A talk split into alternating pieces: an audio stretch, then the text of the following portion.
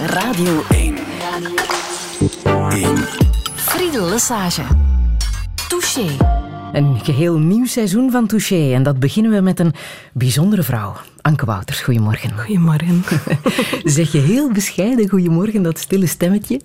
Ik moet er nog een beetje in komen. Ja, ja, ja. En uh, ik zou jou aankondigen als journaliste, maar jouw werkgever heeft zelfs gevraagd om te zeggen knakjournaliste. En dat durf je nog niet zo goed. Ik ben iemand die heel erg bescheiden is. Ik ben altijd heel erg onzeker over mijn prestaties en verwezenlijkingen. Ja. Uh, maar ik mag mezelf wel journaliste noemen. Ik schrijf vooral voor Knakfocus momenteel. Over over televisie schrijf ik uh, heel graag. En hoe lang doe je dat al? Een half jaar. Mm -hmm. En bevalt het jou? Het bevalt mij heel erg. Ja. Je zit hier omdat je ook blogster bent en uh, auteur van jouw eerste boek. En dat heet Dik, lelijk wijf. Als ik dat zei afgelopen week tegen vrienden en collega's, is de eerste reactie lachen. Mm -hmm. En als ik dan zeg dat dat over jou gaat, voelt iedereen zich een beetje betrapt omdat ze hebben gelachen. Ja, inderdaad. Het is een titel waar de mensen wat van terugschrikken. Dat is ook de bedoeling. Um, ik heb die woorden heel specifiek gekozen, omdat die naar mij toe zijn geslingerd geweest als belediging ooit. En de titel is dan een keuze om die woorden toe te eigenen, om van mezelf te maken. Maar ik begrijp dat heel veel mensen die titel zien en de context niet snappen en dan lachen of geschrokken zijn. Ik, uh, ik snap dat dat dat effect heeft. Heb je zelf getwijfeld over die titel of was het meteen duidelijk dat dat het moest worden, dat dat het duidelijkst was? Ik heb getwijfeld in die zin dat het niet, niet erg gemakkelijk is om die woorden met jouw eigen naam daaronder in de winkel op een boek te zien staan. Dat is uh, elke keer heel erg confronterend, maar terwijl ik het boek aan het schrijven was, was het mij wel duidelijk, dit is de enige titel die mogelijk is voor dit verhaal. Dus heb ik uh, dan toch de sprong gewaagd. Mm -hmm. We gaan het er straks uitgebreid over hebben. Hè. Hoe zou jij jezelf omschrijven? Wel, ik ben iemand die heel erg veel piekert en twijfelt, zoals je daarnet waarschijnlijk al gehoord hebt. Um, ik ben iemand um, die heel veel liefde en geduld en begrip heeft voor iedereen en de hele wereld, behalve mezelf. Ik ben heel erg streng voor mezelf. En um, ja, ik ben iemand die altijd probeert zichzelf te verbeteren en beter te worden in wat ik doe en beter te worden in hoe ik in de wereld sta en naar de mensen kijk. Ambitieus, mag ik jou zo noemen? Verschrikkelijk ambitieus. Is het waar? Ja. Waarom zeg je dat zo? Verschrikkelijk ambitieus? Omdat mijn eigen ambitie mezelf soms... Uh, ik maak het mezelf heel erg moeilijk. Um, ja. En ik weet dat ook, ik ben mij daarvan heel erg bewust. Maar um, ik kan het niet loslaten. Ik, ik kan uh, mijn ambities niet loslaten. Een beetje ten koste van mezelf soms. Mm -hmm. Maar daar vind je wel een evenwicht in, volgens mij. Inderdaad, en daar ben ik uh, momenteel heel hard naar op zoek. Ja. Anke Wouters, blij dat je er bent hier Dank in Touché. Radio 1. 1. Friedel Lesage. Touché.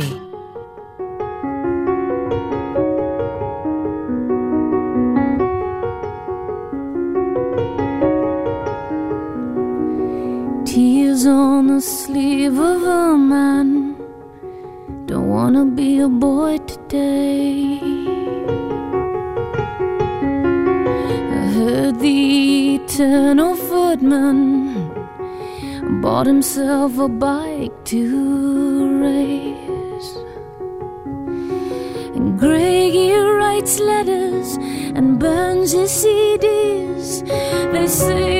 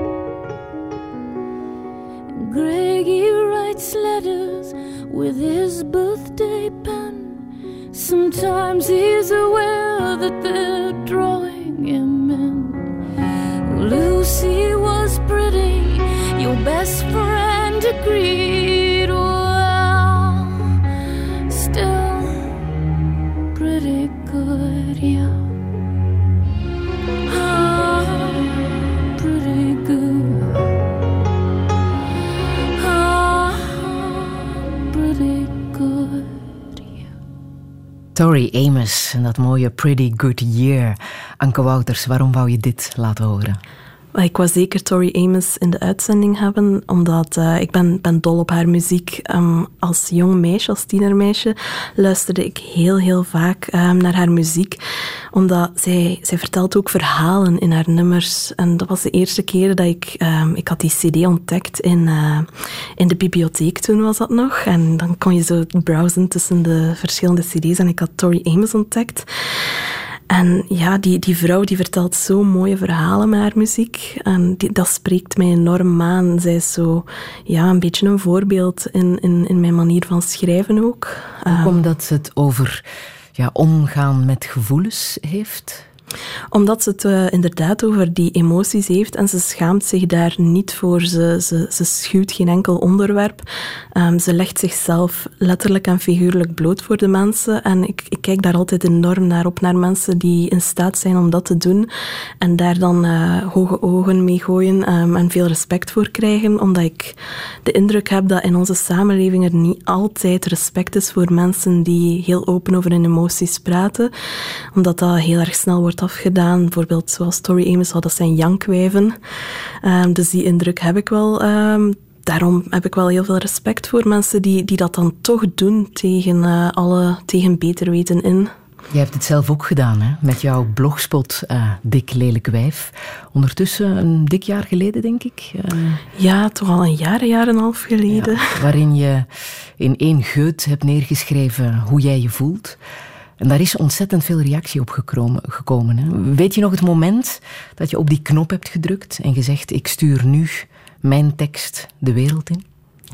Ik weet dat mijn, mijn, mijn vingers, mijn, mijn handen trilden enorm toen ik op publiceren drukte, omdat dat echt de eerste tekst was waarin ik echt alles toonde van mezelf, uh, mijn, mijn diepste onzekerheden. En ik heb daar rond een uur of één s'nachts gepubliceerd. En ik dacht, ja, niemand gaat dat lezen.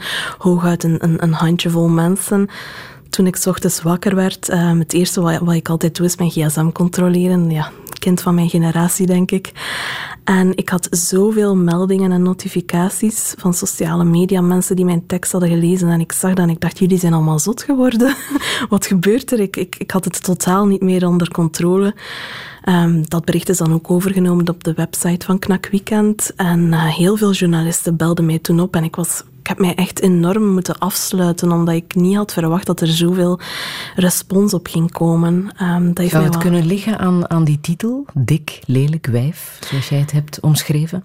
Ik denk wel dat de titel heel erg krachtig is, omdat het de mensen nieuwsgierig maakt van uh, in de ene zin, oké, okay, dik, lelijk, wijf, gaat dat over haarzelf of is dat iemand waar ze mee aan het spotten is? De mensen zijn wel meteen nieuwsgierig.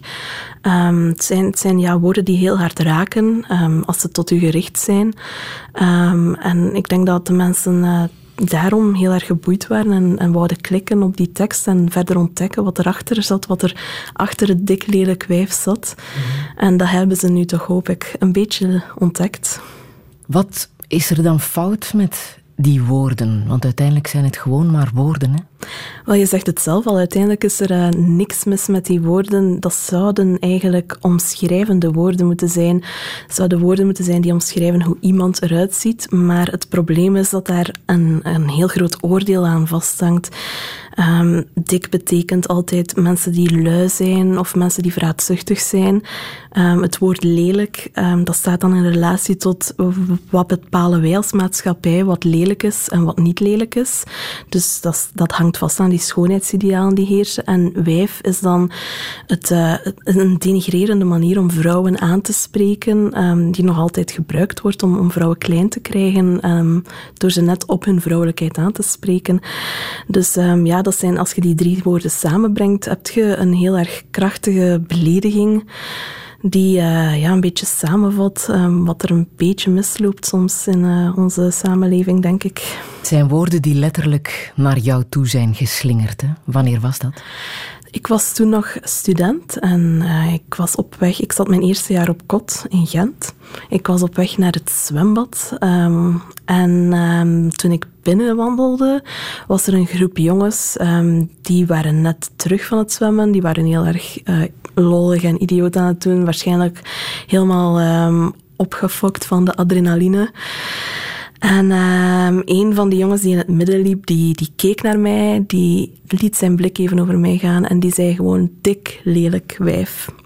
En dat kwam zo hard binnen, omdat ik ook op dat moment heel erg onzeker was. Ik bedoel, ik had gewoon mijn, mijn, mijn sweatpants aan en mijn haar was een beetje vettig, want ja, je gaat gaan zwemmen. Daarvoor gaat je niet erg mooi maken. Um, en ik was daar heel erg van aangeslagen. Ik ben meteen naar het toilet gegaan en ik ben daar beginnen huilen. En ik wist zelfs niet waarom ik zo hard aan het huilen was.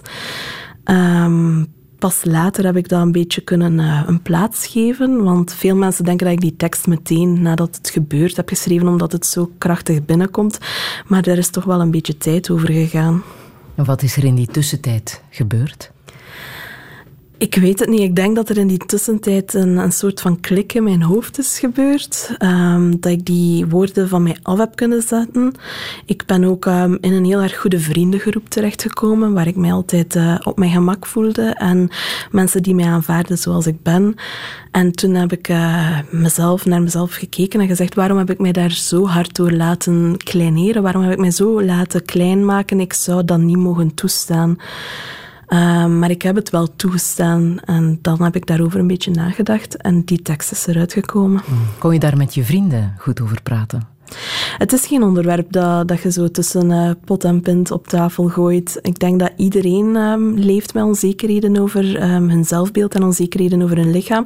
Maar dat is niet zomaar iets dat je um, aan de mensen vertelt, wat dat je jolig over begint. Het is, uh, het is geen vanzelfsprekend onderwerp. Hmm. Onderschatten we dat? Uh, de gevolgen van ja, een negatief zelfbeeld te hebben? Ik denk het wel. het lijkt inderdaad, ja, het lijkt een banaal onderwerp. Ik heb vaak zo'n beetje een gevoel van schaamte over het boek, omdat ik denk dat het zo banaal lijkt in het aanschijn van alle grote wereldproblemen, maar een, negatief zelfbeeld daar vertrekt, uh, begint en eindigt alles mee. Omdat als je jezelf, uh, als je niet van jezelf kan houden, als je, als je jezelf dat niet toestaat, dan ga je jezelf beginnen saboteren. Je gaat uh, jezelf opsluiten, je gaat niet naar feestjes gaan, je gaat um, jezelf dingen ontzeggen. Dus ik denk dat we dat heel hard onderschatten, hoe, hoe gevolgen dat dat kan hebben. Mm -hmm. Wanneer is dat bij jou eh, begonnen? Dat je het gevoel had van, hm, ik ben toch niet zo mooi of zo, zoals ja, de maatschappij uh, verwacht dat ik uh, door het leven ga? Ik kan dat zo niet op één leeftijd vastpinnen, maar ik denk dat dat altijd wel iets is dat in je achterhoofd groeit een soort bewustzijn dat zich begint te vormen. En vanaf dat je dan puber wordt, word je daar wel heel, heel erg op, hard op gewezen. Um, en dan ga je daar wel bij stilstaan. Dan, dan zie je dan, oh, mijn vriendinnen hebben rapper een vriendje. Dat komt omdat ik misschien niet zo knap ben. Um, en je gaat aan jezelf heel hard twijfelen. Um, dus ik kan dat niet op één leeftijd echt vastpinnen. Ik weet dat je als kind daar niet echt bij stilstaat, maar later groeit dat wel. Dus dat toont wel ook aan dat dat, dat ons aangeleerd wordt. Dat dat niet iets is waarmee we geboren worden. Dat, dat wordt ons aangeleerd. Mm. Je bent opgegroeid met de sociale media. Hè? Ja. In hoeverre heeft dat invloed gehad op jouw zelfbeeld? Goh, dat is een beetje een moeilijke vraag, denk ik. Um, Want dat is wat jongeren doen, hè? selfies posten en tonen hoe fantastisch en hoe tof ze wel zijn. Ik zit wel nog een beetje zo in het limbo van de sociale media, want ik heb een periode gehad in mijn leven dat ik dat niet in mijn leven had. En dan toen ik een jaar of 13, 14 was, is dat heel erg uh, beginnen opkomen met netlog en dan daarna Facebook, Twitter, al uh, die dingen. Um, en ik denk dat sociale media zijn een beetje wat je er zelf van maakt. Uh, we hebben heel erg lang de perceptie gehad op sociale media dat we daar moeten tonen hoe fantastisch alles is. En ik probeer daar nu toch wel heel hard tegen in te gaan door ook uh, de slechte momenten te delen met mensen. En uh, dat vind ik, ja, je moet zelf dat evenwicht een beetje opzoeken. Maar ik kan me voorstellen dat als je die diversiteit in je tijdlijn niet hebt en je ziet alleen maar hoe goed iedereen het heeft en hoe goed iedereen eruit ziet, dat dat um, wel een invloed kan hebben op hoe je je voelt. -hmm. Wat betekent voedsel voor jou? Voedsel um, is iets waar ik altijd elke dag obsessief mee bezig ben. Um, nu niet dat het mij zo verhindert dat ik uh, niet normaal door het leven kan gaan, maar uh, voedsel stelt mij altijd voor een keuze over mezelf. Um, dus als ik iets om het eten neem, is dat altijd goed of slecht. Um, dat hangt altijd met een waardeoordeel aan een waardeoordeel vast. En het kan niet gewoon voedsel zijn. Het kan niet gewoon iets zijn omdat ik honger heb, eet ik. Dat, dat is het nooit voor mij. Het is altijd van dit is goed, dit is slecht. Um, hiervoor gaan de mensen mij beoordelen. Ja, dat is een heel erg moeilijke. Ja. Zou je willen vermageren? Wel, dat mag altijd, maar dat is nu niet het grote streefdoel dat ik mezelf opleg. Ik denk dat we heel erg um, hard focussen op vermageren. Um, vermageren of bijkomen. En dat we eigenlijk veel meer moeten spreken in termen van ik wil gezond zijn en ik wil mij goed voelen in mijn vel. Um, welke kledingmaat ik ook heb, dat maakt niet uit. Het gaat dus, meer over het aanvaarden van mensen die ja. geen maatje zoals een fotomodel hebben. Hè. Inderdaad. Daar doet het er helemaal ja. niet toe. Maar daar zijn we nog lang niet. Hè. Wat zou er ja, in de maatschappij moeten uh, veranderen volgens jou om dat meer acceptabel te maken? Dat wie je of wat je ook bent, dat dat moet aanvaard worden? Ik denk dat de media daar een heel belangrijke rol in heeft te spelen. Um, dat hangt af uh, van welke soorten lichamen zij tonen. Um, er, zijn verschillende, er zijn verschillende studies geweest die aantonen dat, dat je meer tolerant wordt tegenover verschillende lichaamstypes, hoe meer je ze te zien krijgt. Dus dat heeft daar een uh, heel grote factor in. Nu, er zijn al verschillende media die daarop inspelen en um, ik kan dat alleen maar aanmoedigen. Um, verschillende rolmodellen die daar ook over uh, spreken, um, die kunnen een heel grote invloed hebben, want die hebben een groot platform en je mag dat niet onderschatten als die daarover spreken.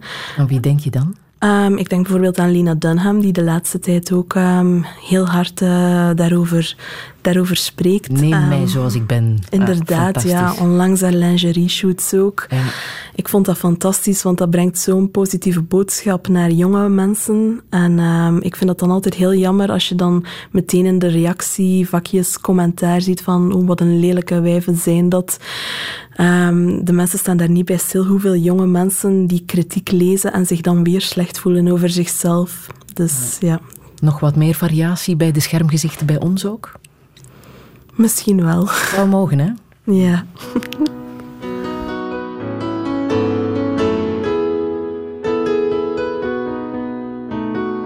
Goodbye, England's rose. May you ever grow in our hearts. You were the grace that placed itself where lives were torn apart. You called out to our country and you whispered to those in pain. Now you belong to heaven, and the stars spell out your name. And it seems to me you lived your life like a candle in the wind, never fading with the sunset when the rain set in. And your footsteps will always fall hills. Your candles burned out long before your legend ever will.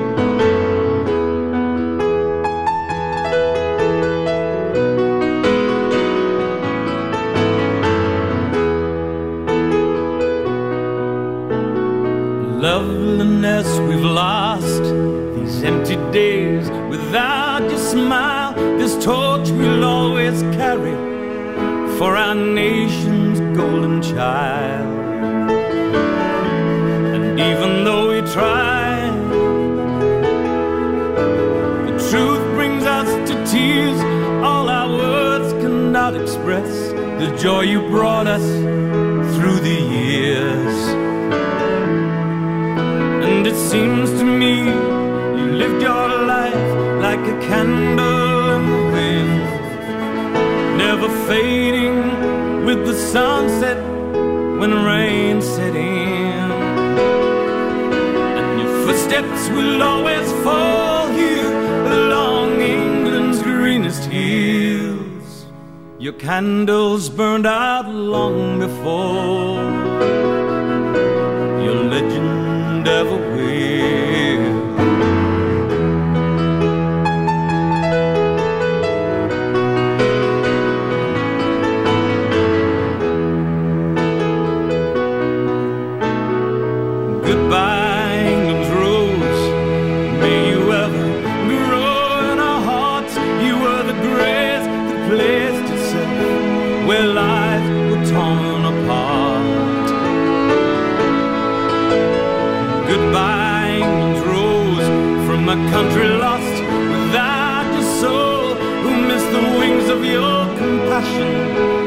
than you'll ever know.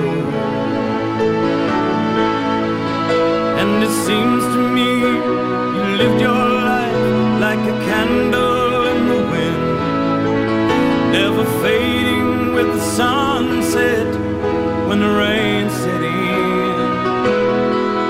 And your footsteps will always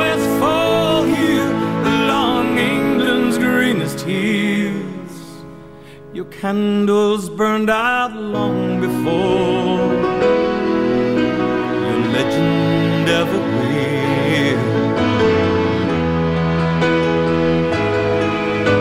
Your footsteps will always fall here England's greenest hills.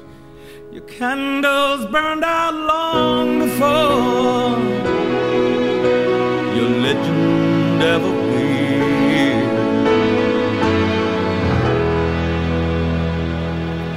Elton John met de versie van Candle in the Wind, zoals hij die zong op de begrafenis van Lady Diana. Volgend jaar zal dat twintig jaar geleden zijn. Anke Wouters, wat heb jij met Lady Diana? Wel, dat is mijn eerste levendige herinnering van een groot nieuwsfeit dat een heel diepe indruk op mij heeft gemaakt. Ehm, dat komt omdat Lady Diana was zo'n sprekende figuur in mijn jeugd. Dat was een echte prinses om naar op te kijken. En toen eh, gebeurde dat ongeval en zij is dan gestorven. En ik wist gewoon nog niet dat prinsessen ook konden doodgaan. Ik wist dat op die leeftijd niet. En ik was daar toen een jaar of zes, zeven? Zes, zeven jaar was ik. En ik wist niet dat prinsessen konden doodgaan. En ik was daar heel hard van gedaan. Ehm, mijn ouders hebben toen ook naar de begrafenis gekeken. Live op televisie uitgezonden. Met het nummer dat we daarnet hebben gehoord. En ik weet nog dat mijn moeder aan het huilen was. En ik, ik, ik, snapte, ik snapte er niets van. Ik dacht, oeh, maar is zij nu dood? Komt zij dan terug? Want in de sprookjes leven prinsessen toch lang en gelukkig. En zij heeft helemaal niet lang en gelukkig geleefd. En ik weet nog dat ik daar dan later heel veel boeken over haar heb gelezen en altijd wel gefascineerd ben gebleven door, door die figuur en wat zij betekend heeft uh, voor, voor onze geschiedenis en voor die periode in ons leven. Ja. Zeg, wat voor kind was jij? Ik was een kind dat heel erg uh, verwonderd was. Ik stelde enorm veel vragen, tot vervelens toe waarschijnlijk. Ik was ook een beetje stout. Ja? ik uh, ben, ben altijd iemand die heel veel de grenzen aftast van wat kan en niet kan. En daarom um, ook heel veel regeltjes breekt. Niet zozeer omdat ik uh, mensen wou dwars zitten, maar gewoon om te testen hoe ver ik kon gaan. Um, dus ja, sorry daarvoor als mijn mama meeluistert. En welke ambities had je als kind? Wat, wat wou je worden later als je groot zou zijn? Ik weet nog dat ik heel veel dingen wou worden. Ik uh, ben een tijdje wou ik Spice Girl worden. Ah, ja? um, en dan wou ik archeologe worden, omdat ik um, ja, Indiana Jones had gezien en dat vond ik fantastisch en ik wou dat ook doen. Maar toen is het mij gaan dagen dat archeologie toch wel wat anders inhoudt dan uh, nazi's verslaan. um, en toen uh, wou ik ja, prinses worden, zangeres, al die typische meisjesdromen. Maar um, rond een jaar of tien heb ik altijd gezegd, oké, ik wil schrijven, ik wil woorden aan elkaar verbinden en daar dingen mee doen. En ik weet, dat klinkt cliché voor iemand die schrijft, dat, dat ze zegt van, ik heb altijd schrijven, ben altijd schrijver willen worden later als ik groot ben, maar dat is toch wel iets dat altijd terugkwam. En ik weet nog dat ik tien jaar was en dat mijn meester in het derde leerjaar um, een van mijn gedichtjes um, heel erg goed vond en die had uh, afgedrukt voor heel de klas en die had uitgedeeld en ik mocht dat dan voorlezen. En dat vond ik gewoon fantastisch. En toen heb ik gezegd, oké, ik wil dit de rest van mijn leven doen. Wanneer ben je met je dagboek begonnen? Ik heb altijd een dagboek bijgehouden, maar niet altijd zo um, consistent als nu in, dit, uh, in deze periode van mijn leven. Ik, uh, ik heb een dagboek bijgehouden als, als jong kind. Um, en dan als tiener heb ik heel veel dagboeken bijgehouden. En dat waren dan vaak uh, heel poëtische dagboeken waarin ik ja, heel erg dramatisch deed uh, over de dingen en niemand begrijpt mij en ik ben de enige op de wereld die alle, alle inzichten heeft. uh, en dat zijn ja, dagboeken, heel vaak schrijf ik daar dan ook dingen in die niet waar zijn, die niet kloppen, maar om, om het leven wat, wat rooskleuriger is het woord niet, maar om het interessanter te maken. Um, en nu schrijf ik constant in mijn dagboek. Um, en ik, ik, probeer ook zo meer te aanvaarden van dit is mijn leven en dit is interessant genoeg. Um, ik heb ook zo de indruk dat heel vaak um, ik de alledaagse dingen over het hoofd zie als ik in mijn dagboek dingen noteer. En ik probeer dat meer op te vangen en meer bij te houden, omdat ik zie dat dat heel erg waardevol is om op terug te blikken later. Als ik uh, zelfs een half jaar later uh, passages in mijn dagboek lees, en dan kan ik zo naar mezelf kijken met een totaal ander perspectief. Ik vind dat, ik vind dat zeer erg waardevol, dagboeken bijhouden. Maar die dagboeken die ik als tiener en zo heb geschreven, die heb ik wel bijna allemaal verbrand. Daar heb ik natuurlijk ja. nu wel spijt van. Ik heb er een Waarom? tweetal bijhouden omdat dat natuurlijk ook wel zijn charme heeft om dat bij te houden en daarnaar, uh, daarnaar terug te blikken. Maar uh, ik denk dat ik een jaar of 18, 19 was en dan heb ik die uh, allemaal verbrand eens, zo ja, ritueel verbrand en dan liep dat mis. En Echt waar? ja, dan, dan geen brand gesticht? Wel, ik heb het buiten gedaan gelukkig, maar ik had het in een vuilnisemmer gedaan en uh, die vlammen gingen heel erg hoog um, en ik was dan een beetje geschrokken. maar uh, ja... Was het ook omdat er misschien dingen in stonden waar je komaf mee wou maken, die te diep, ja, te diep gingen? Ik denk het wel. Ik denk dat bepaalde um, delen ik liever wou vergeten. Um, omdat, omdat ik ja, denk van... Ja, ik word er een beetje stil van. Het is, het is heel erg moeilijk om... om, om uh, om de persoon die je vroeger was, en die persoon is niet altijd de persoon die je wou worden of de persoon waar je trots op kan zijn. En het is heel erg moeilijk om die persoon een plaats te geven, om, om te aanvaarden van ik ben, ik ben ook zo geweest, ik ben niet altijd hoe ik nu was. Um, je schrijft bijvoorbeeld in jouw boek, Dik Lelijk Wijf, ja, hoe je gevochten hebt hè, met, met uh, jezelf, met je lichaam, met, met eten dat je jezelf ook hebt uitgehongerd. Hè? Ja, ik heb um, een periode als tiener ben ik uh, heel, heel erg beginnen afvallen, omdat ik um, mezelf eten ontzegde. Um, dat begon heel erg onschuldig met niet ontbijten en dan smiddags uh, de boterhammetjes niet opeten. En dan s'avonds toch nog meten, zodat het niet zou opvallen. Maar dan daarna ook ja, beginnen het avondeten overgeven. en dat was wel een heel erg dieptepunt. Maar het probleem was niemand echt door had dat er iets met mij aan de hand was, want iedereen moedigde mij alleen maar aan. Um, terwijl niemand zag van dat er echt wel iets mis was. Um, dat heeft mij heel erg verontrust. En dat zijn ook inderdaad periodes die ik liever, liever vergeet, um, omdat dat niet de persoon is wie ik wil zijn. ik wil niet de persoon zijn die mezelf kapot maakt. Ik wil mezelf terug opbouwen. Maar je hebt wel professionele hulp gezocht en gevonden? Ik heb hulp uh, gekregen, inderdaad. Um, en ik kan iedereen aanraden als je zo'n probleem hebt om, um, om het niet op te kroppen en niet voor jezelf te houden. Ehm, ga ehm, bij je ouders of bij vertrouwenspersonen langs. Die kunnen je altijd naar de juiste mensen leiden en dan kan je hulp krijgen. En daar zit ook geen schaamte of schande in. Er is niets mis met een beetje hulp zoeken wanneer je het nodig hebt. Ik denk dat iedereen dat af en toe eens nodig heeft. Je citeert ook een vraag die je toen stelde aan jouw psycholoog: hè, dat je niet begreep hoe mensen kunnen leven met, met angst. Ja, inderdaad. Als ik daar nu op terugkijk, was dat weer al um, de tiener in mij die heel erg egocentrisch is. Die denkt dat ik de enige persoon ben met problemen en de enige persoon met moeite. En ik vroeg mij dan af, ik snap niet hoe andere mensen dit doen. Ik snap niet hoe andere mensen gewoon, gewoon elke dag de dag doorkomen. En waarom ik het er zo moeilijk mee heb. En soms leek het alsof dat ik de enige was die, die het daar moeilijk mee had. Um, en dat heeft hij mij toen ook doen inzien dat ik niet de enige ben en dat het gewoon het leven is, dat iedereen het lastig heeft met het leven. En dat is heel erg belangrijk geweest dat ik dat erkende. Mhm. Je was ook uh, bij de Giro. Hè? Hoe belangrijk is dat voor jou geweest? Dat is heel erg belangrijk geweest. Onverwacht belangrijk eigenlijk. Um, ik heb daarnet gezegd dat ik een stout kind eigenlijk was. um, en mijn moeder en mijn vader hadden besloten om mij naar de jeugdbeweging te sturen elke zondag, omdat ik altijd wou gaan spelen op plaatsen waar ik eigenlijk niet zonder toezicht mocht spelen. En dat was een manier om zonder ouderlijk toezicht mij te amuseren en te ravotten. Um, en toch nog een beetje controle te hebben van dat ze weten waar ik ben en wat ik uitsteek allemaal. Um, en daar hebben ze ook de echte Anke Wouters leren kennen en appreciëren ook. Hè? Ja, inderdaad. Um, daar hebben ze mij, ja, ik ben daar bij geweest sinds ik uh, in de speelclub was. Dus uh, die heel, heel jonge groep. tot, tot later ben ik uh, dan ook leidster geworden. En dat is een heel erg mooie periode geweest, omdat zij hebben mij zien opgroeien en zij hebben alle slechte en goede kanten van mij gezien.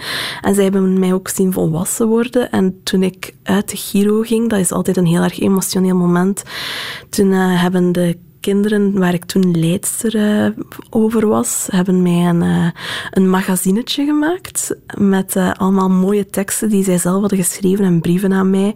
En ehm, dat was dan ja, een magazine dat eruit zag, was vormgegeven als een knakmagazine, omdat ik altijd zei, ik ga gaan verder studeren en ik wil journaliste worden.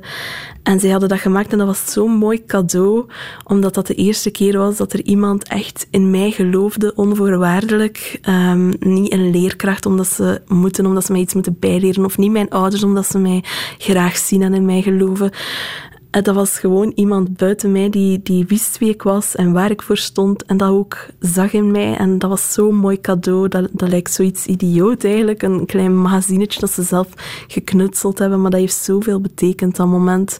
En uh, ja, dan zaten we rond het kampvuur en ja, dat moment, ik kijk daar nog altijd met veel liefde naar terug.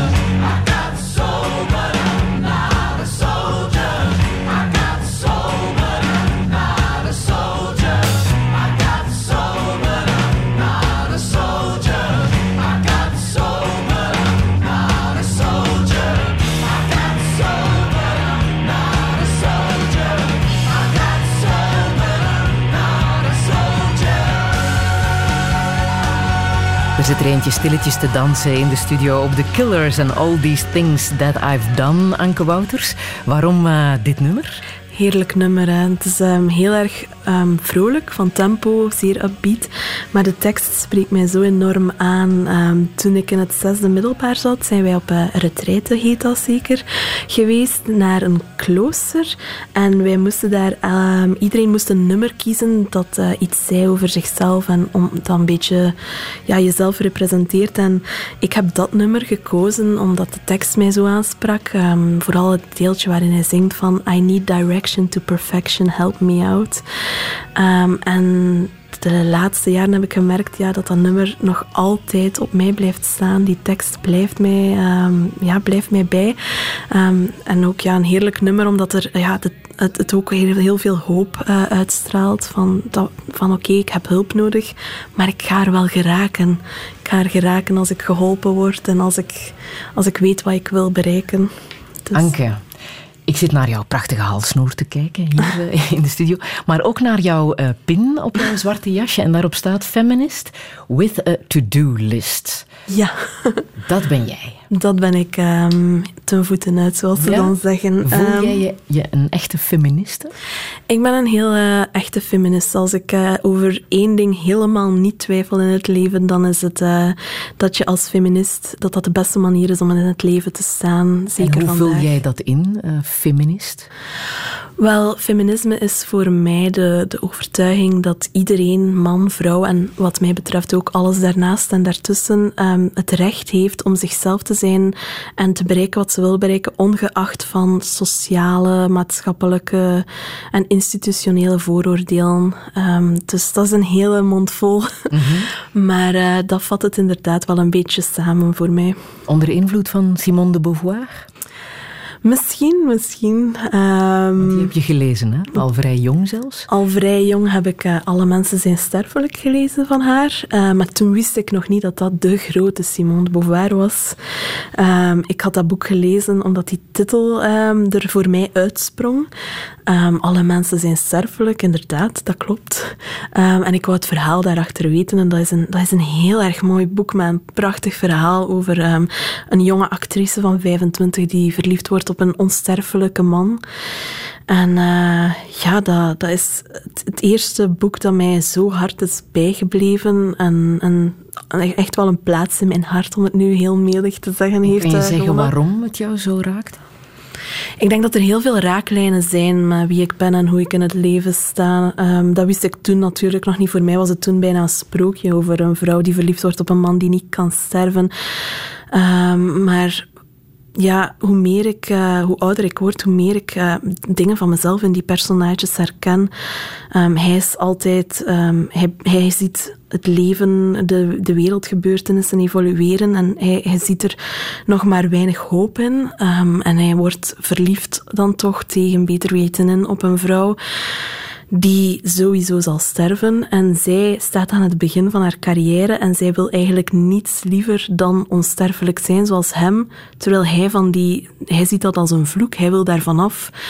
Um, en het heeft, ja, het heeft veel raaklijnen met, met wat we daarnet al besproken hadden over die ambities die je hebt. En uh, is dat wel iets uh, dat, dat, dat het leven kan goedmaken of het leven veranderen? Is dat wel iets dat, dat, dat positief is, die ambities? Of is dat iets dat, dat een beetje giftig kan zijn?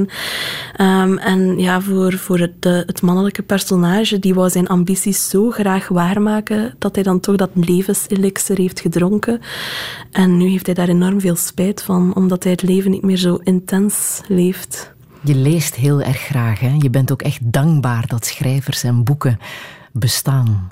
Ja, inderdaad. Um, ik ben uh, een heel fervente lezer. Um, ik lees tussen de 50 à 100 boeken op een jaar. Uh, natuurlijk, dat is niet allemaal vanzelf gekomen. Dat is heel hard gegroeid. Maar um, ik... ik uh, ja, ik word daar heel erg rustig van. Als ik mij onrustig voel, dan heb ik altijd een boek bij mij nodig uh, dat ik, uh, kan, waar ik naar kan teruggrijpen. Omdat... Dat is nu ook, hè? want nu ja. ligt er zelfs een boek mee op de studiotafel. Nu ben je Rebecca Schiff aan het lezen, The Bad Moved. Kortverhalen? Ja, ja het is een, een reeks kortverhalen. Omdat ik de laatste tijd heb ik het enorm druk. Um, en kortverhalen zijn dan een manier om in, in een beperkte tijdspanne toch nog mee te kunnen onderdompelen in een groot verhaal. Ja. Maar over die schrijvers zeg je, ja, ze zijn er altijd. Eender wat, uh, nodig, uh, wat ik nodig had om te overleven, daar waren ze altijd. Inderdaad, elke, op elk punt in mijn leven is er wel een schrijver geweest die mij het exact juiste inzicht heeft aangeboden. Een inzicht dat ik misschien op dat moment zelf, uh, waarvan ik mij niet bewust was dat ik het nodig had. Mm-hmm. Maar soms lees je een boek en pas na een tijdje weet je dat die woorden op jou slaan en dat die woorden kloppen, uh, meer dan dat je zelf had verwacht. Um, dus ik ben heel erg dankbaar voor schrijvers en voor de verhalen die zij brengen, um, om, om, ze, om er altijd voor mij te zijn en om op te vangen op, op de een of andere manier.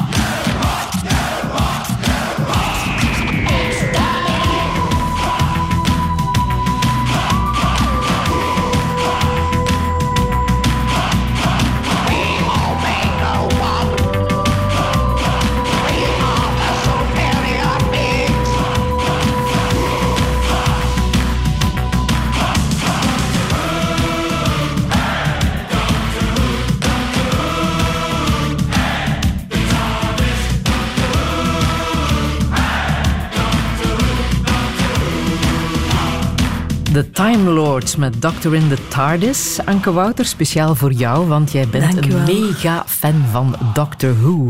En in dit uh, nummer hoor je ook het thema uh, van uh, Doctor Who. Wat heb jij met Doctor Who? Ik vind dat een fantastische serie. Um, een van de beste series ooit gemaakt. Um, ik ben een enorme, enorme Doctor Who nerd. Um, een Whovian, zoals dat dan heet. Ja? Ik vind dat een fantastisch verhaal. Het gaat over een, een man die een, een, een tijd, de time, de TARDIS heeft gestolen en daarmee fantastische avonturen beleeft. Dat is een soort um, tijdmachine, hè? Of een, ja, de TARDIS is, uh, dat staat voor Time and Relative Dimension in Space.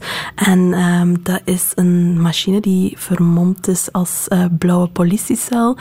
En die kan reizen in de tijd en in de geschiedenis. Um, en in de toekomst uiteraard ook. En ja, dat is zo die vreemde man die uit de lucht komt gevallen en u uit het het normale leven sleurt en u op avontuur meesleept en u de meest fantastische dingen toont. Je hebt wel iets met science fiction en alles wat buitenwezenlijk is, hè? Ja, science fiction, ik weet niet waarom, maar dat is altijd wel iets dat mij heeft aangesproken. Ehm, ik, vind, ik vind dat een fantastische manier om een verhaal te vertellen op een originele manier. Is het ook een vlucht? Ik denk het wel. Ik denk dat het een manier is om uh, te, te vluchten uit, uit het dagdagelijkse. En, en, en op zoek te gaan naar andere verhalen die zo, zo verschillend zijn. En dan toch nog daar een, een soort van menselijkheid in terug te vinden. En daar ook jouw Twitter-account. Wat is het? Ank2D2. ja, dat, dat is een verwijzing naar uh, R2D2 um, uit um, Star Wars. Het, uh, het, zijn veel mensen die uh, dat niet echt begrijpen, die Twitter-handle. Um, maar zo, is, zo herken ik ook de echte fans van de, de posers. zo weet iedereen het natuurlijk nu, hè? Ja. dus ik vind je ook troost in kunst? Kunst kan mij wel uh, troosten, ja. Um, ik, ik wou dat ik wat meer verstand had van kunst. Um, dat, dat ik um, het meer uh, kon nog beter plaatsen. Maar ik, uh, ja, ik ben vooral fan van meer hedendaagse kunst. Zoals wie? Um, wel, ik ben bijvoorbeeld een fan van de, de street art van La Quena. En dat is een kunstenares die uh, heel erg mooie muurschilderingen maakt op basis van patronen die terugkomen in populaire cultuur en in magazines. En ze combineert dat met um, sprekende teksten, um, een beetje zoals Jenny Holzer deed. Um, en ja, dat spreekt mij enorm aan omdat ze in vraag stelt van wie, wie, wie tonen we en wat zegt dat over ons? Wie plaatsen wij op de voorgrond in, in, in voorbeeldmagazines en wat zegt dat over ons? Um, en die teksten die ze daarbij combineert stellen dan altijd een vraag of uh, een uitdaging naar, naar de persoon die naar het werk kijkt. Dus ik vind uh, La Quena is echt uh, een zeer talentvolle artieste. Je noemt niet toevallig twee vrouwen, hè? Ik, ik weet het, ik doe het niet bewust, denk ik. Uh, maar ik ga, ik ga wel altijd op zoek uh, naar het werk van vrouwen. Um, om, omdat, omdat dat mij ook gewoon heel erg boeit. Ik ben zelf een vrouw en ik ben geboeid door wat andere vrouwen bezighoudt. En wat zij maken van kunst en wat zij in de wereld brengen, um, dat is voor mij een automatisme. Maar um, ik snap dat dat voor andere mensen niet zo vanzelfsprekend is. Omdat we altijd nogal heel erg mannelijk gericht zijn. dus voor mij is het dan altijd een uitdaging. ik denk altijd hier kunnen meer vrouwen aan het woord.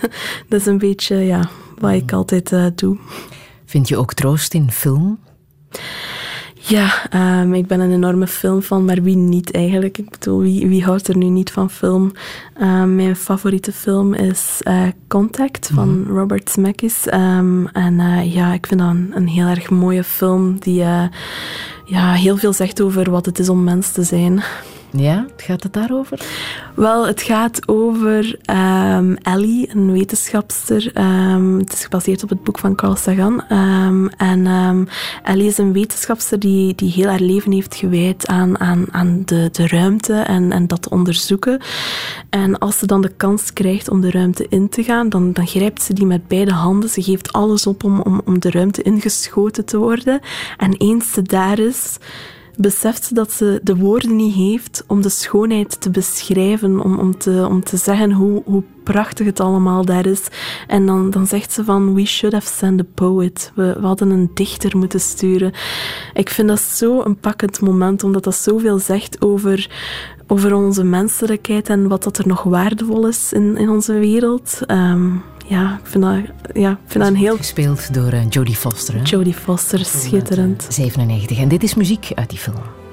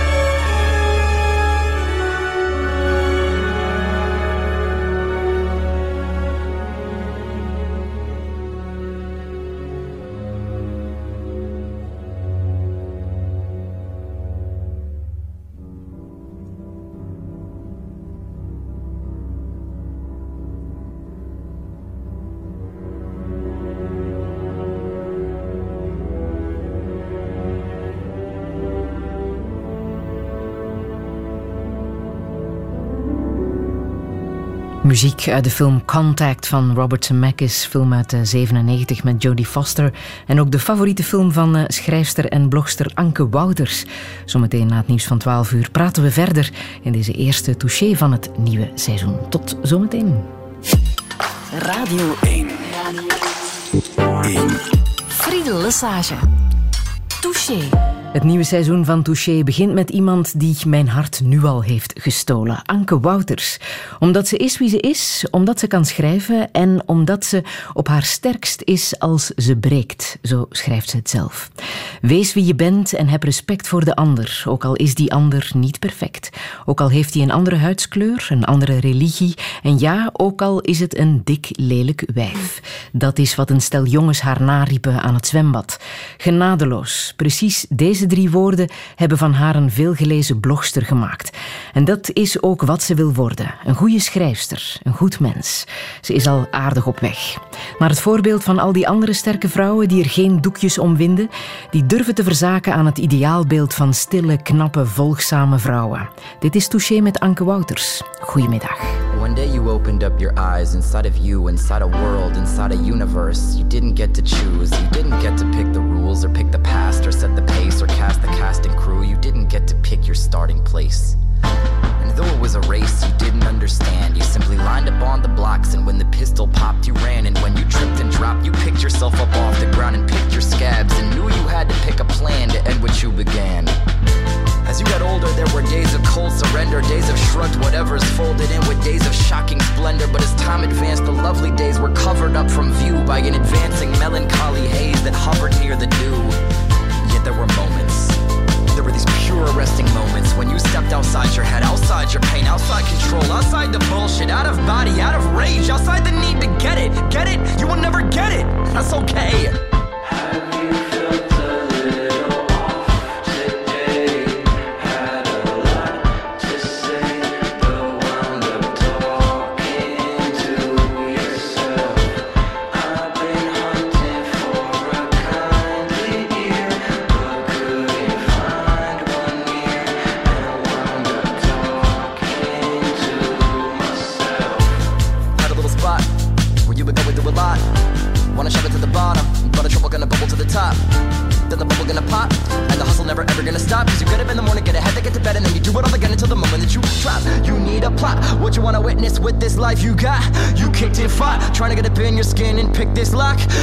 Ticking clock.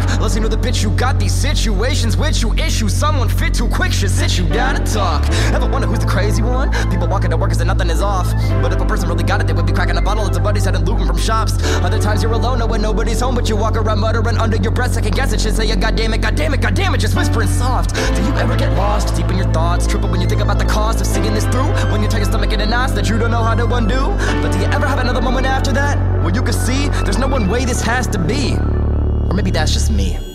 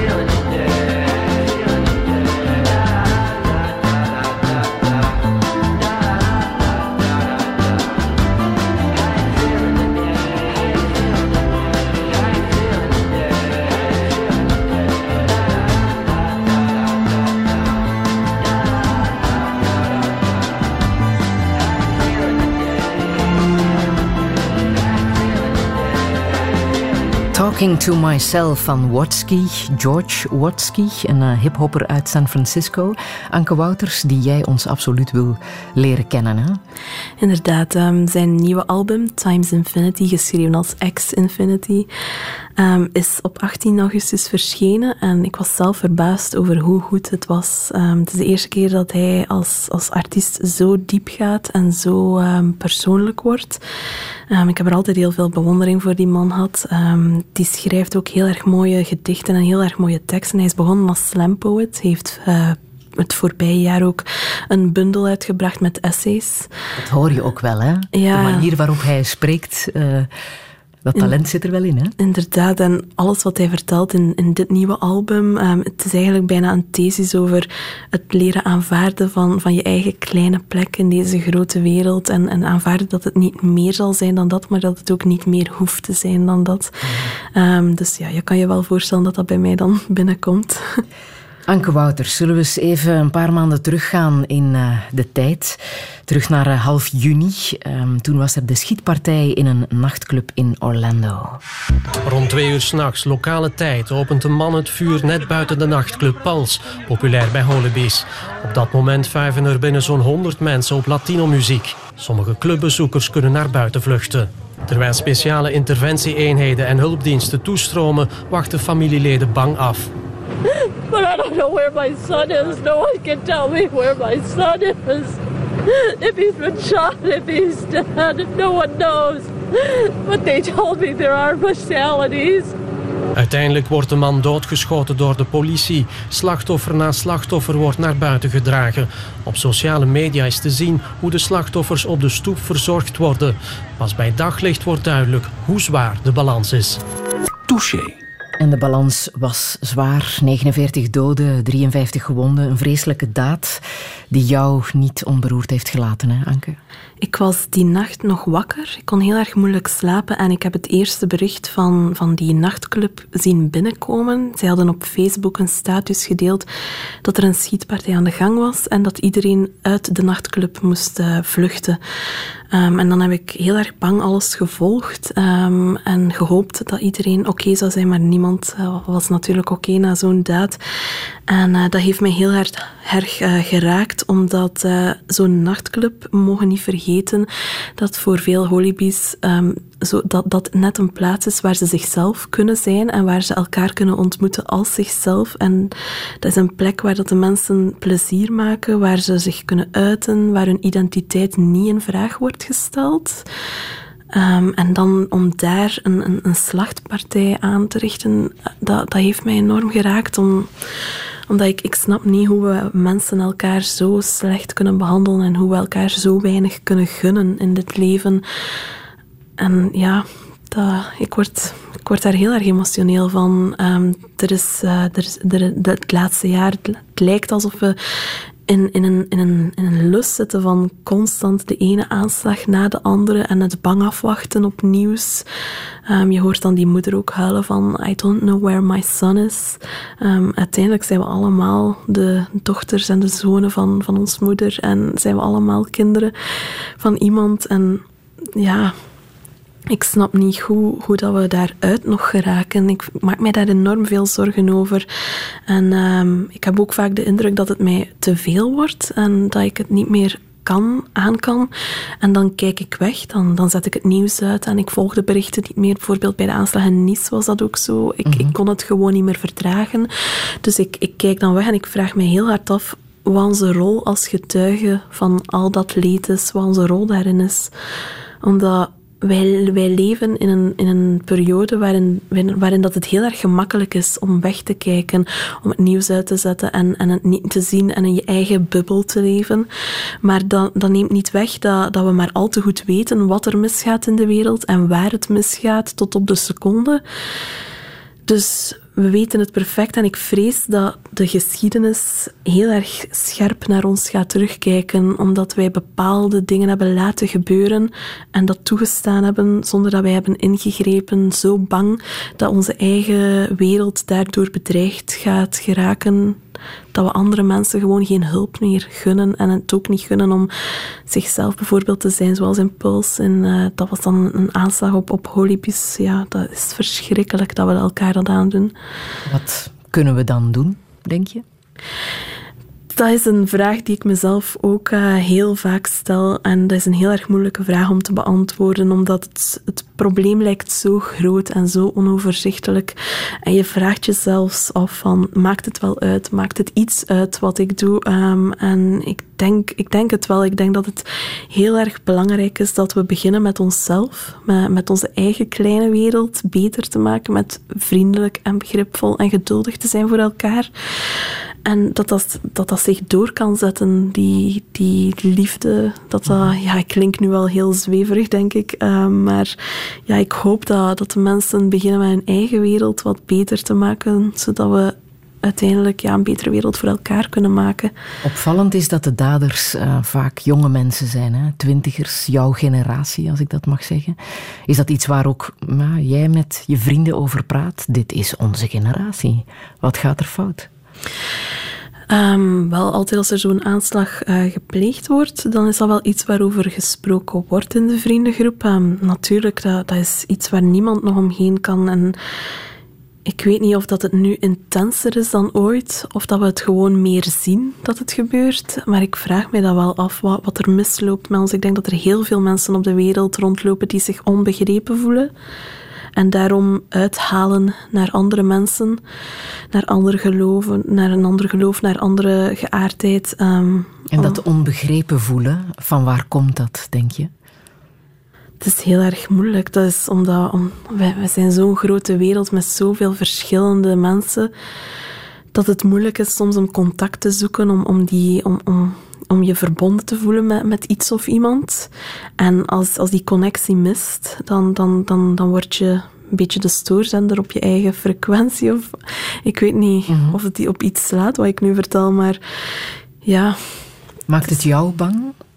Het maakt mij wel, het maakt mij wel bang als ik, als ik dat zie. Um, ik, ik, ik heb het heel erg moeilijk met begrijpen waar al die haat vandaan komt. Ik heb het heel erg moeilijk om mij te verplaatsen in de gedachtegang van mensen die zulke daden stellen en zoveel haat hebben voor elkaar. Um, maar natuurlijk is dat gewoon nu de realiteit waarin we leven. Maar soms lijkt het ook gewoon heel erg negatief, terwijl de, er zoveel mensen zijn die mooie dingen doen en, en, en zeer constructief werken aan, aan, aan, mooie projecten. En daar probeer ik dan naar te kijken en daar aandacht aan te geven. Ik denk dat we heel, heel vaak vergeten dat, dat die mensen er ook nog zijn. En uh, misschien moeten we ons wat meer uh, richten op uh, de goede dingen. Waarin geloof jij? Ik geloof heel hard dat we van deze wereld samen een mooie plek kunnen maken. Mm -hmm. Um, ik geloof heel hard in, in, in, mensen, tot het naïeve af zelfs. Dat, dat, mensen mij naïef noemen, dat heb ik al veel gehoord. Maar ik geloof dat mensen goed zijn. Ik geloof niet dat mensen slecht kunnen zijn, inherent slecht. Um, dat alle mensen zijn goede mensen, waar het soms een klein beetje misloopt. Ben jij met een bepaalde religie opgevoed? Nee, eigenlijk niet. Um, wij zijn gewoon een typisch Vlaams middenklasse gezin, denk ik. Mm. Um, waar geloof meer een, uh, een, een, kerstavondgelegenheid was. Um, en ja, ik ben niet echt met een religie opgevoed. Ik ben uh, heel erg opgevoed met uh, de overtuiging dat ik voor mijn eigen mening moet opkomen. Ook al strookt dat met de mening van mijn ouders bijvoorbeeld. Um, en dat ik ook um, heel erg ja, veel onderzoek moet doen. En ja, ik ben opge opgevoed als iemand die nieuwsgierig moet zijn. Dus mm -hmm. dat zit er wel in. Maar religieus zou ik mezelf niet noemen. Um, Heb je het gevoel dat je, dat je ook te weinig weet over de verschillende godsdiensten die er bestaan?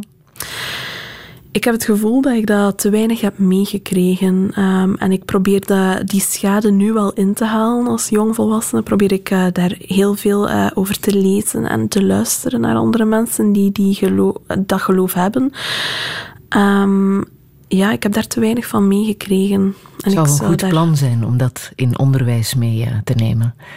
Dat zou inderdaad een goed plan zijn. Ik weet dat bij mij in mijn opleiding um, dat pas aan de orde was in de laatste jaren van mijn middelbare opleiding. En dat is veel te laat. Um, ik denk dat het heel erg belangrijk is dat we gaan ontdekken wat het geloof voor andere mensen betekent en wat dat inhoudt. Dus ik vind het een goede zaak dat we daar meer over gaan leren, omdat we, omdat we ook gewoon toleranter gaan worden. Als je iets begrijpt, dan kan je er niet bang voor zijn.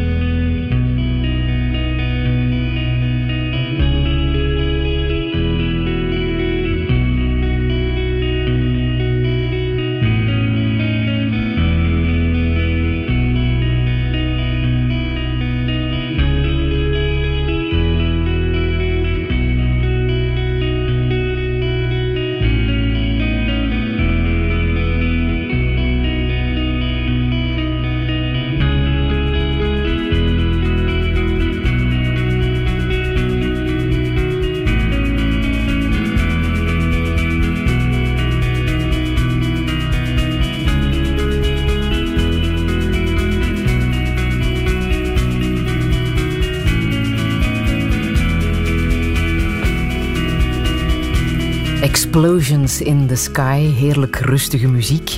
Your Hand in Mine heet dit nummer, Anke Wouters. Waarom wou je het laten horen? Wel ja, bijna heiligschennis om het uh, vroegtijdig te stoppen natuurlijk. Uh, ik moet vind dat... bijna, het duurt acht minuten. Ik zou het zo graag helemaal laten horen. Dan moet ik verlengingen vragen voor dit programma. Een vreselijk mooi nummer. Um, vreselijk mooi is eigenlijk, nu ik het zeg, een heel goede verwoording ervoor. Um, ik vind dit het mooiste nummer dat ooit gemaakt is over de liefde en het leven. En dan nog zonder woorden, omdat, omdat voor sommige dingen heb je gewoon geen woorden nodig. En dit nummer zegt alles voor mij. Wat betekent de liefde voor jou? De liefde betekent voor mij heel veel in die zin dat, um, zoals ik daarnet zei, ik ben niet gelovig, maar ik geloof wel in, in de liefde. En ik geloof dat, dat liefde de grootste kracht is op deze wereld. De, de kracht die ook alles kan veranderen voor ons. Um, en een gebrek aan liefde, daar daar beginnen alle problemen. Mhm. Is er veel liefde in jouw leven? Nu? Er is uh, nu veel liefde in mijn leven. Ja, daar is er ook een liefje uh, in jouw leven? Wel, uh, je bent de tweede journaliste die mij dit ooit al gevraagd heeft. En ik voel me altijd zo'n beetje een bekende Vlaming als, als mensen mij dat vragen. maar momenteel niet, nee. ik vraag het omdat je erover schrijft natuurlijk. Ja. In jouw boek Dik Lelijk Wijf dat je daar een, ja, toch wel een cruciaal moment hebt meegemaakt hè, als het daarover gaat, over een liefje in jouw leven. Um, ja, ik denk dat, dat als mensen soms de verkeerde keuzes maken en dat we bepaalde gevoelens verwarren voor liefde. En dat is iets, dat is iets wat ik zelf heb meegemaakt. Um, soms ga je je binden aan mensen die eigenlijk niet goed zijn voor jou, maar je gaat die, die gevoelens verwarren voor liefde. En je, je gaat je proberen bewijzen dat je goed genoeg bent bij die mensen, terwijl zij eigenlijk niets anders doen dan je een slecht gevoel geven over jezelf. En je proberen neerhalen en je proberen te, ja, pijn te doen en te kwetsen. En op een bepaald moment moet je, moet je dat kunnen loslaten. Moet je kunnen zeggen, ik verdien veel beter dan iemand die mij alleen maar ja, slechte dingen toewenst en die mij, mij zo zo klein kan krijgen. Um, dat, dat is niet wat, wat liefde hoort te zijn. Liefde hoort je groter te maken. Mhm. Dat is bij jou gebeurd, hè? Dat je je grens hebt moeten stellen. Ik heb mijn grenzen moeten stellen. Um, ik heb um, moeten leren um, nee zeggen tegen foute relaties waar ik mij dan met hart en ziel instort.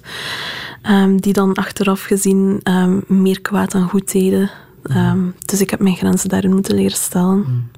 Waar droom jij van als het gaat over ja, liefde, gezin, kinderen? Uh, hoe zie jij dat? Um, ik wil vooral iemand die mij elke dag kan inspireren. Um, en die uh, mij elke dag kan helpen om, om nog beter in het leven te staan. Ik zeg altijd dat ik geen kinderen wil. Ik wil geen moeder worden. Um, nee. Dat is niet iets dat ik nastreef in het leven. Um, dat kan natuurlijk altijd nog veranderen, want de meeste mensen zeggen je bent nog jong en dat verandert wel. Maar ik denk niet dat ik emotioneel klaar ben om een kind op te voeden. Ik denk dat ik ofwel veel te veel van dat kind zou houden, ofwel veel te weinig en het kind zou verwijten dat ik bepaalde zaken niet kan doen in het leven, omdat ik een kind heb. Um, en ik zou, ik zou dat mijn zoon of dochter kwalijk nemen. Dat wil ik ook niet meemaken. En anderzijds, wat ik al zei, ik zou, ik zou misschien te graag, ik zou die persoon te graag zien. Ik zou die versmachten in, in mijn liefde en ik zou die niet kunnen loslaten. Ik zou niet willen dat er iets met, met, met hen gebeurt. Dat ik zou ze opsluiten in, in, in mezelf, in mijn, in mijn omhelzing. Hoe is jouw band met jouw moeder? Ik heb een heel goede band met mijn moeder. Um, en uh, ja, ik kijk enorm naar haar op, naar haar kracht, naar haar, naar haar veerkracht. Um, zij is een periode heel erg ziek geweest uh, toen ik tiener was. En ja, dat, was een moeilijke periode voor iedereen in ons gezin, denk ik. Uh, maar we zijn daar wel heel erg sterk uitgekomen, veel sterker dan daarvoor. En ik heb nu een heel erg goede band met mijn moeder. -hmm. Heb je het gevoel dat je iets gemist hebt in jouw leven? Ik heb het gevoel dat ik nog heel veel dingen moet ontdekken en dat ik nog heel veel dingen moet leren kennen. Ik zeg altijd, ik mis mensen die nu nog niet in mijn leven zijn. Er zijn zoveel mensen die ik nog voor de eerste keer wil ontmoeten of opnieuw wil leren kennen. In, die zin dat ik ze beter wil leren kennen. Dat, ik, ja, ik denk dat elke persoon die ik nog niet ontdekt heb een misbare persoon in mijn leven is. Iemand die ik nu op dit moment mis. Dus ik denk dat er nog heel veel is dat ik moet, dat ik moet ontdekken. Ook in de zin van bijvoorbeeld reizen. Ehm, ik heb nog zo weinig van de wereld gezien en ik zou zo graag nog meer eh, plaatsen bezoeken. Je bent naar L.A. geweest, hè? Afgelopen zomer. Ja, deze zomer ben ik naar LA geweest. eh, voor mijn werk was ik daar dan. En ik heb ehm, ook eh, ja, de tijd kunnen nemen om een paar dingen te bezoeken en een paar dingen te zien. Natuurlijk, Ehm, als je naar zo'n plek gaat, moet je daarvan profiteren. En dat was een fantastische ervaring. En heb je daar gevoeld, dit wil ik nog meer doen? Ik wil meer van de wereld zien? Inderdaad, daar heb ik dat gevoel heel erg fel gehad. Ehm, ik ben iemand die heel veel werkt en heel hard werkt en constant bezig is. Ehm, ik neem niet genoeg de tijd om te rusten en tot rust te komen. En ik heb het gevoel dat ik pas tot rust kan komen als ik echt een heel grote afstand tussen mijn gewone leven kan plaatsen en waar ik dan ja, kan rusten. Is het ook de anonimiteit op reis die jou helpt? Ja, dat wel. Dat wel. Ehm, ik, ik hou van die anonimiteit van die heel grote steden vooral. Ehm, omdat, niemand weet wie je bent, niemand kent je naam. En je kan gewoon elke keer als je iemand tegenkomt, kan je een totaal ander verhaal over jezelf verzinnen. Ehm, en als je terug thuis komt, kom je eigenlijk terug met veel meer kennis over jezelf. Ehm, omdat, omdat je weet wat werkt en wat niet werkt. Dat is een beetje een, een spelletje dat ik met mezelf speel. Elke keer als ik een, een taxi neem in een nieuwe stad en de taxichauffeur vraagt dan automatisch waar ben je, waar kom je van en wie ben je? En dan vertel ik altijd iets anders. Ik weet niet waarom ik daarmee begonnen ben, maar ik vind dat zoiets heel tof om dan te zien, ah ja, dat, dat lukt wel. dus ja.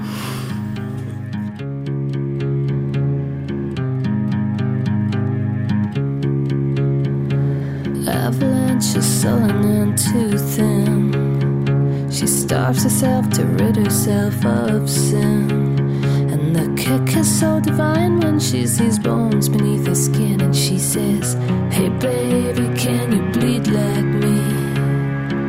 Come on, baby, can you bleed like me? Chris is all dressed up and acting coy.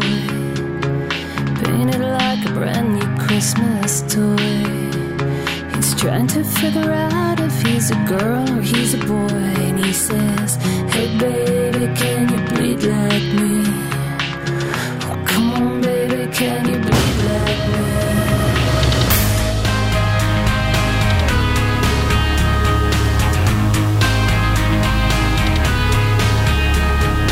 Doodle takes that scissors to her skin. And when she does, relief comes setting in.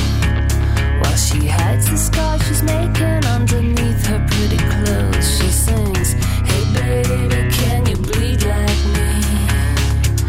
Come on, baby, can you bleed like me? Therapy is Speedy's brand new drug. Dancing with the devil's past has never been too fun. It's better off than trying to take a bullet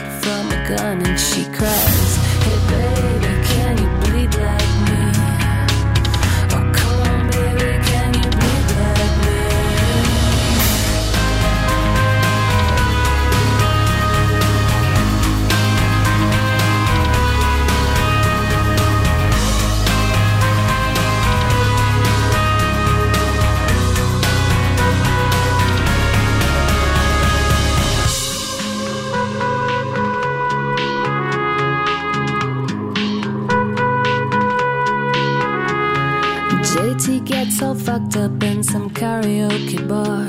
After two drinks, he's a loser. After three drinks, he's a star. Getting all nostalgic as he sings, I will survive. Hey, baby, can you bleed like me?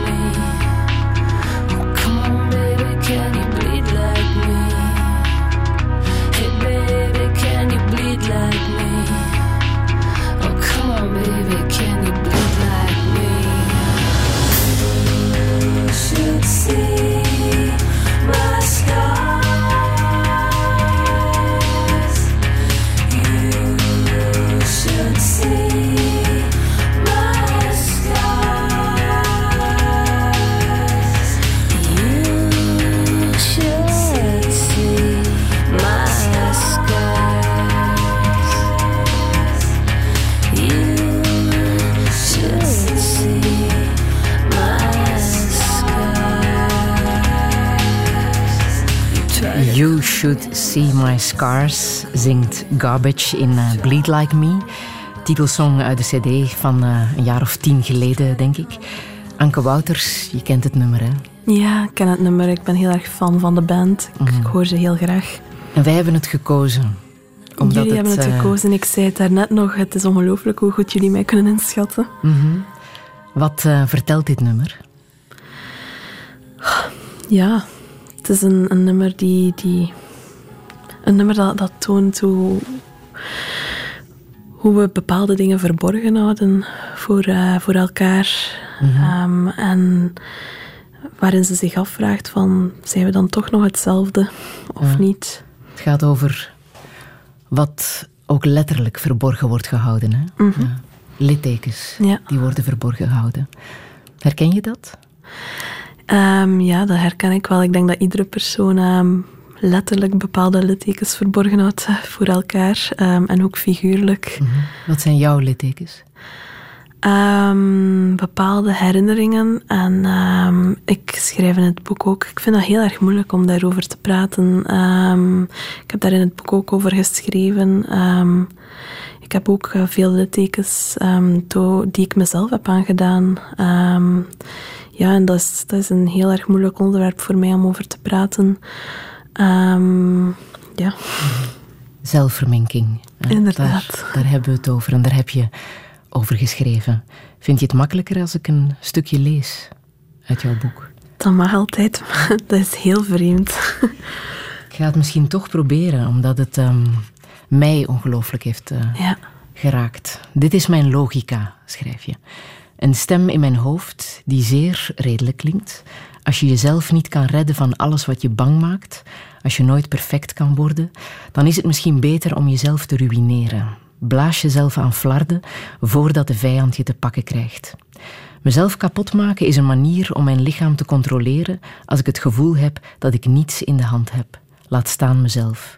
En ik weet dat dit gedrag gestoord is. Het is gek om altijd messen bij je te hebben met de bedoeling jezelf en misschien pijn mee te doen. Ik weet dat mijn afhankelijkheid van die breekmessen een soort van onvermogen weerspiegelt om zelfverzekerd te zijn en om mezelf te vertrouwen, om te geloven dat ik in staat ben om in deze wereld te leven zoals een echte persoon. Ik ben mij elke dag bewust van de gedachte dat de breekmessen waarschijnlijk een onzichtbare barrière vormen voor intimiteit tussen mij en mijn omgeving. Ik heb nog nooit iemand voor de eerste keer ontmoet zonder zo'n mes op zak. Het gaat altijd als volgt: ik, die nieuwe persoon en het mes. De gedachte dat ik er alleen voor zou staan maakt me doodsbang. Ik begin letterlijk te beven als ik erover nadenk. Ik begrijp dat het moeilijk is voor jou om daar zomaar over te spreken. Maar je bent ermee opgehouden, hè? Ik ben ermee opgehouden, ja, dat klopt. Je hebt zelfs een soort app die bijhoudt ja, hoe lang je er al mee bent ehm, opgehouden. Ik heb die hier op mijn telefoon staan, maar die staat natuurlijk nu uit om ja. uh, niet uh, een stoorzender te vormen. Dat is een app waarop ik het aantal dagen bijhoud, waarop, waar, ja, de dagen waarop ik mezelf niets heb aangedaan. Um, en die teller staat nu al bijna op 800 dagen, um, dus dat is goed. En het, het, is altijd heel geruststellend om naar dat, dat cijfer te kijken en dat te zien stijgen. En uh, dan, dan ben ik gewoon trots op mezelf dat, dat ik het wel kan. Dat ik mm -hmm. het mhm. zo zonder kan. Maar het is echt zo dat je altijd een breekmes bij hebt of bij had als je ergens naartoe ging? Uh, dat klopt inderdaad. Ja. Een soort veilig gevoel? Dat is een beetje ja, zoals een security blanket. Een, een iets dat je op zak hebt dat, dat, dat je een beetje zelfzekerheid geeft. Een soort van last resort dat je altijd op zak hebt. Ja, ik praat er eigenlijk echt niet graag over. Het is, het is raar dat, dat bepaalde dingen neerschrijven gemakkelijker, uh, dat dat gemakkelijker is dan erover spreken. Ja. Omdat ik ook het gevoel heb dat, dat, dat, dat mensen op mij neer gaan kijken als ze die informatie over mij weten. Dat is niet zo, denk ik. Helpen kleren, helpen ja, hoe je je kleedt. Um, bij ja, het naar buiten komen, naar contacten zoeken met mensen. Uh. Ja. Want dat is een deel natuurlijk hè, van dit verhaal. Op die manier verberg je iets. Hè. Kledij is altijd een kledij, mensen denken dat, dat kledij een manier is om op te vallen, maar je kan je er ook wel heel goed mee, heel gemakkelijk mee verstoppen. Ehm, je kan heel erg losse kledij dragen, um, onopvallende kleuren um, die, die niet echt te veel de aandacht op jou vestigen. dus in die zin uh, zijn kledij soms een manier om je te verstoppen. of je natuurlijk op de voorgrond te plaatsen. Ja, en dat is bij jou ook zo. Dat is bij mij ook wel, ja, die filosofie, die psychologie achter die kledij, dat komt daar ook wel, uh, dat komt daar ook wel bij kijken. Ja. Kijk je in de spiegel? Niet genoeg, denk ik. Um, steeds meer. Toch wel? Toch wel. Waar kijk je dan naar? Um, naar alles behalve rechtstreeks in mijn eigen ogen, um, omdat dat heel erg confronterend is. Um, ik uh, kijk routineus in de spiegel. Um, s ochtends als je wakker wordt, um, de snelle inspectie van zijn er puistjes bijgekomen of um, ja, heel erg snel de tanden poetsen. Dat, zijn, ja, dat is routineus in de spiegel kijken. En uh, soms kan je dan je, je eigen reflectie ergens zien en dan kan je daar zo door gepakt zijn, omdat je plots echt jezelf ziet. Um, omdat het dan geen routine meer is. Um, die, die weerspiegeling, soms is dat bijvoorbeeld in een raam dat je, pas, dat, dat je passeert en oei, daar ben ik opeens. Omdat je jezelf zo hard vergeten bent, omdat je letterlijk aan jezelf voorbij loopt. Um, ja. Vind je dat je dat moet leren, dat dat beter moet? Is dat iets wat je jezelf oplegt? Ja, mezelf opleggen, dan klinkt dat uh, alsof ik in een twaalf-stappenplan zit, maar... Um, ja, dat is, dat is iets wat ik bewuster probeer te doen. Um, in de spiegel kijken en niet wegkijken meteen. Ik denk dat, dat dat iets is waar we niet bij stilstaan, zelfs dat we dat doen. Ja.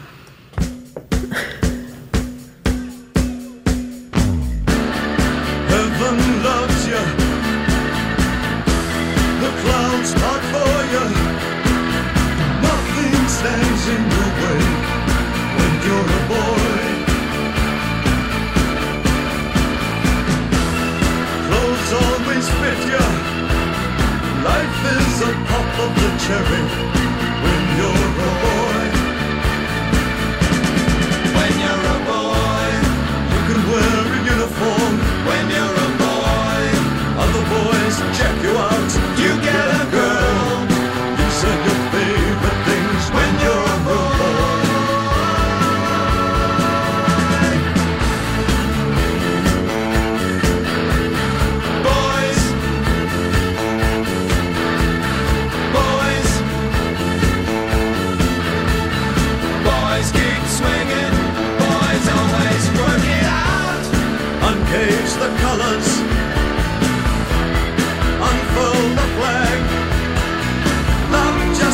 You.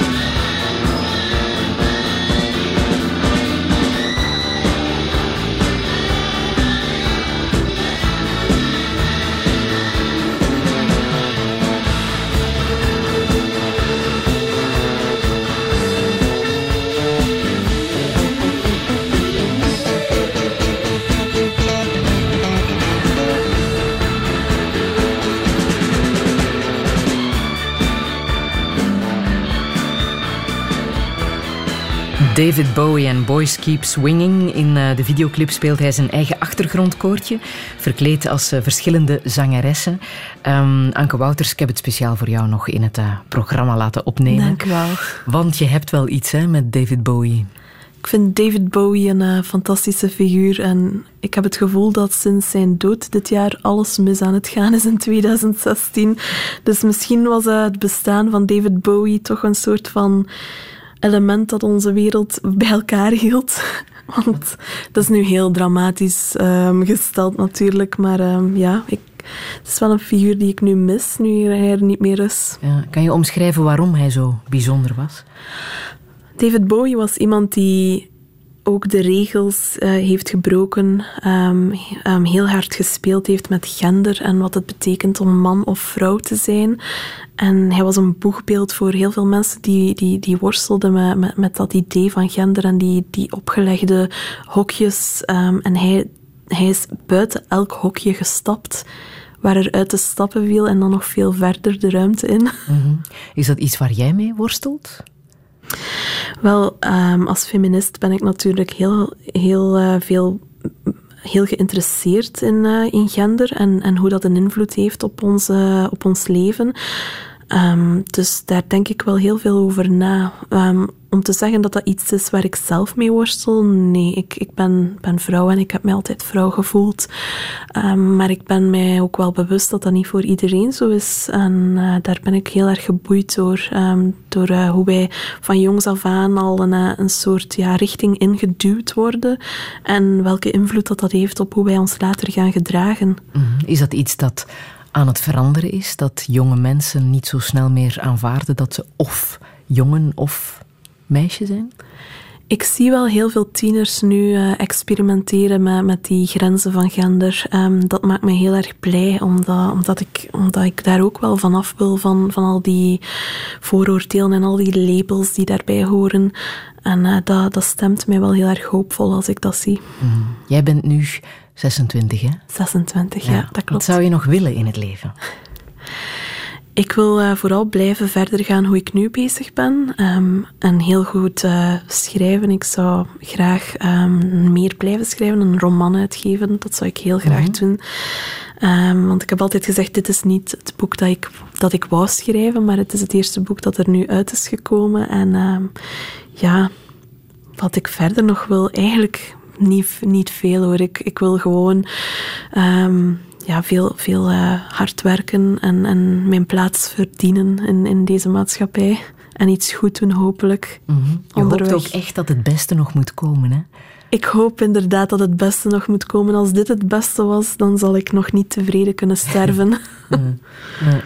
Hoe zie jij jezelf oud worden? Eigenlijk niet. Um, ik ben niet iemand die daar zo mee bezig is. Ik dacht nooit dat ik 20 jaar ging worden. Ik dacht nooit dat ik 25 jaar ging worden. Ik, ik zie mijzelf niet als oud vrouwtje. Dat, dat oud worden lijkt mij zo een vreemd concept. Ik, ik sta daar niet bij stil. Um, dat, ik constant aan het veranderen ben en dat dat een proces is waar ik onvermijdelijk in zit. Maar als ik daar te veel over nadenk, ik denk dat dat me heel veel stress zou bezorgen. Dus ik probeer daar niet over na te denken. Mm. Te veel nagedacht al over de dood? Um, wel, als je over het leven nadenkt, dan denk je uiteraard ook over de dood na. Um, dus ja. Concreet? Of, uh... um, concreet zal ik niet zeggen, nee. Nee. Hm. Welke boodschap wil jij hier nog meegeven? Wel, mijn boodschap aan de mensen, nu spreek ik zo de people toe, is om, om ja, meer geduld te hebben voor elkaar en te aanvaarden dat er andere perspectieven mogelijk zijn dan jouw perspectief. Niet iedereen in het leven heeft dezelfde ervaringen als jij. Dus ga op zoek naar die andere ervaringen. Leer zoveel mogelijk bij over elkaar, want ik, ik geloof echt dat wij elkaar kunnen redden op die manier. Gaat het ook over meer accepteren? Over het accepteren, uiteraard. Dat hangt dan vast met de boodschap uh, ja. die ik in mijn boek ook breng. Uh, meer accepteren dat mensen anders zijn. En dat dat niet noodzakelijk een bedreiging is voor de manier waarop jij anders bent. En dat niemand ook kan bepalen wat perfect is, hè? niemand kan uh, voor jou bepalen wat perfectie betekent. Um, perfectie is een heel erg slopend woord. Um, dus dat, ik denk niet dat dat bestaat, perfectie. Als we dat bereiken, dan valt er niets meer te evolueren. En mensen blijven altijd maar evolueren, hoop ik. Ja, ja, je hebt nog een, uh, een, nummer gekozen van uh, Shumba Wamba. Kan je uitleggen waarom? Wel, ik denk dat iedereen zo'n beetje het, het haarborstelnummer heeft. Of hoe, hoe noem je dat als je begint te zingen in je haarborstel of in je deodorant. Um, en dat is mijn haarborstelnummer. Het klinkt zo vreemd, ja.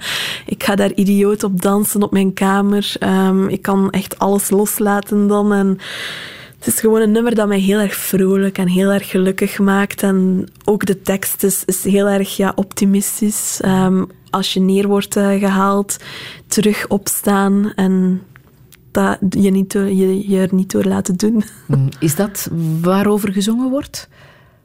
Ja, ongeveer. Ja, en ook heet, over alcohol. Ja, wat heet tub thumping? Hoe, hoe, zou je dat vertalen? In, in de badkuip um, op en neer gaan. Mensen moeten maar extra naar dit nummer luisteren. Je kent het sowieso, maar toch even speciaal naar de tekst luisteren. I get knocked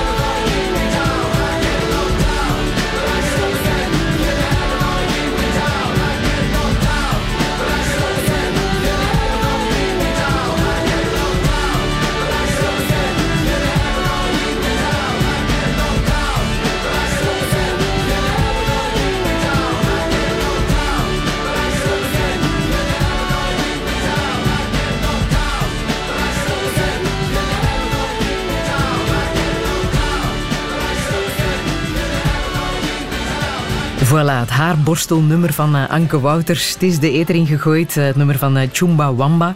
Ik hoop dat veel mensen het zelf ook even hebben uitgeprobeerd hm. met de haarborstel in de hand. Anke Wouters, uh, ik wil jou bedanken voor uh, het fijne gesprek. Uh, alle info over de dingen die hier ter sprake zijn gekomen en ook over jouw blog en jouw boek, Dik Lelijk Wijf, staat op onze website radio1.be. Nog altijd een beetje bang voor wat er gaat gebeuren nu het boek in de boekenwinkels ligt? Toch wel een beetje, ja. Um, de eerste reacties komen binnen van mensen die het gelezen hebben ondertussen, die heel erg snel lezen, ben onder de indruk. Um, en uh, ja, het is heel erg vreemd. Voor mij lijkt het nog altijd niet echt. Ik weet niet op welk punt dat het echt gaat aanvoelen. Maar, uh, de reacties die hier binnenlopen via Twitter en Facebook zijn in ieder geval allemaal zeer positief. Onder andere eentje van iemand die jou nauw aan het hart ligt, hè? Katrien Zwartenbroeks. Ja. Die is, ligt mee aan de basis voor het uh, feit dat jij schrijft. Hè? Um, ja, ik heb altijd al geschreven, maar um, ik had nooit gedacht dat er een plek zou zijn in de media waar ik kon schrijven op de manier die ik wou. En um, ik zag toen Katrien Zwartenbroeks haar naam staan onder verschillende prachtige artikels. Ze is een zeer getalenteerde schrijfster. En dat was, dat was de eerste keer dat ik besefte, oké, ik kan dit ook doen. Als zij dit kan doen, dan kan ik dit ook doen. En ja, wij zijn nu bevriend en um, ik, ik hecht daar heel veel waarde aan, aan haar advies. En um, ik kijk enorm naar haar op.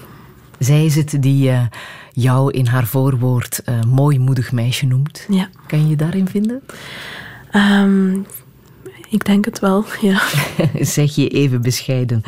Um, je zei zo net van, ik denk dat ik een nieuw boek heb verdiend. Hm? Ja, ik beloon mezelf graag met nieuwe, nieuwe boeken. Um, daarom straks eens naar de boekenwinkel gaan. Doen, zo meteen Brussel in. Dankjewel, Anke Wouters. Bedankt.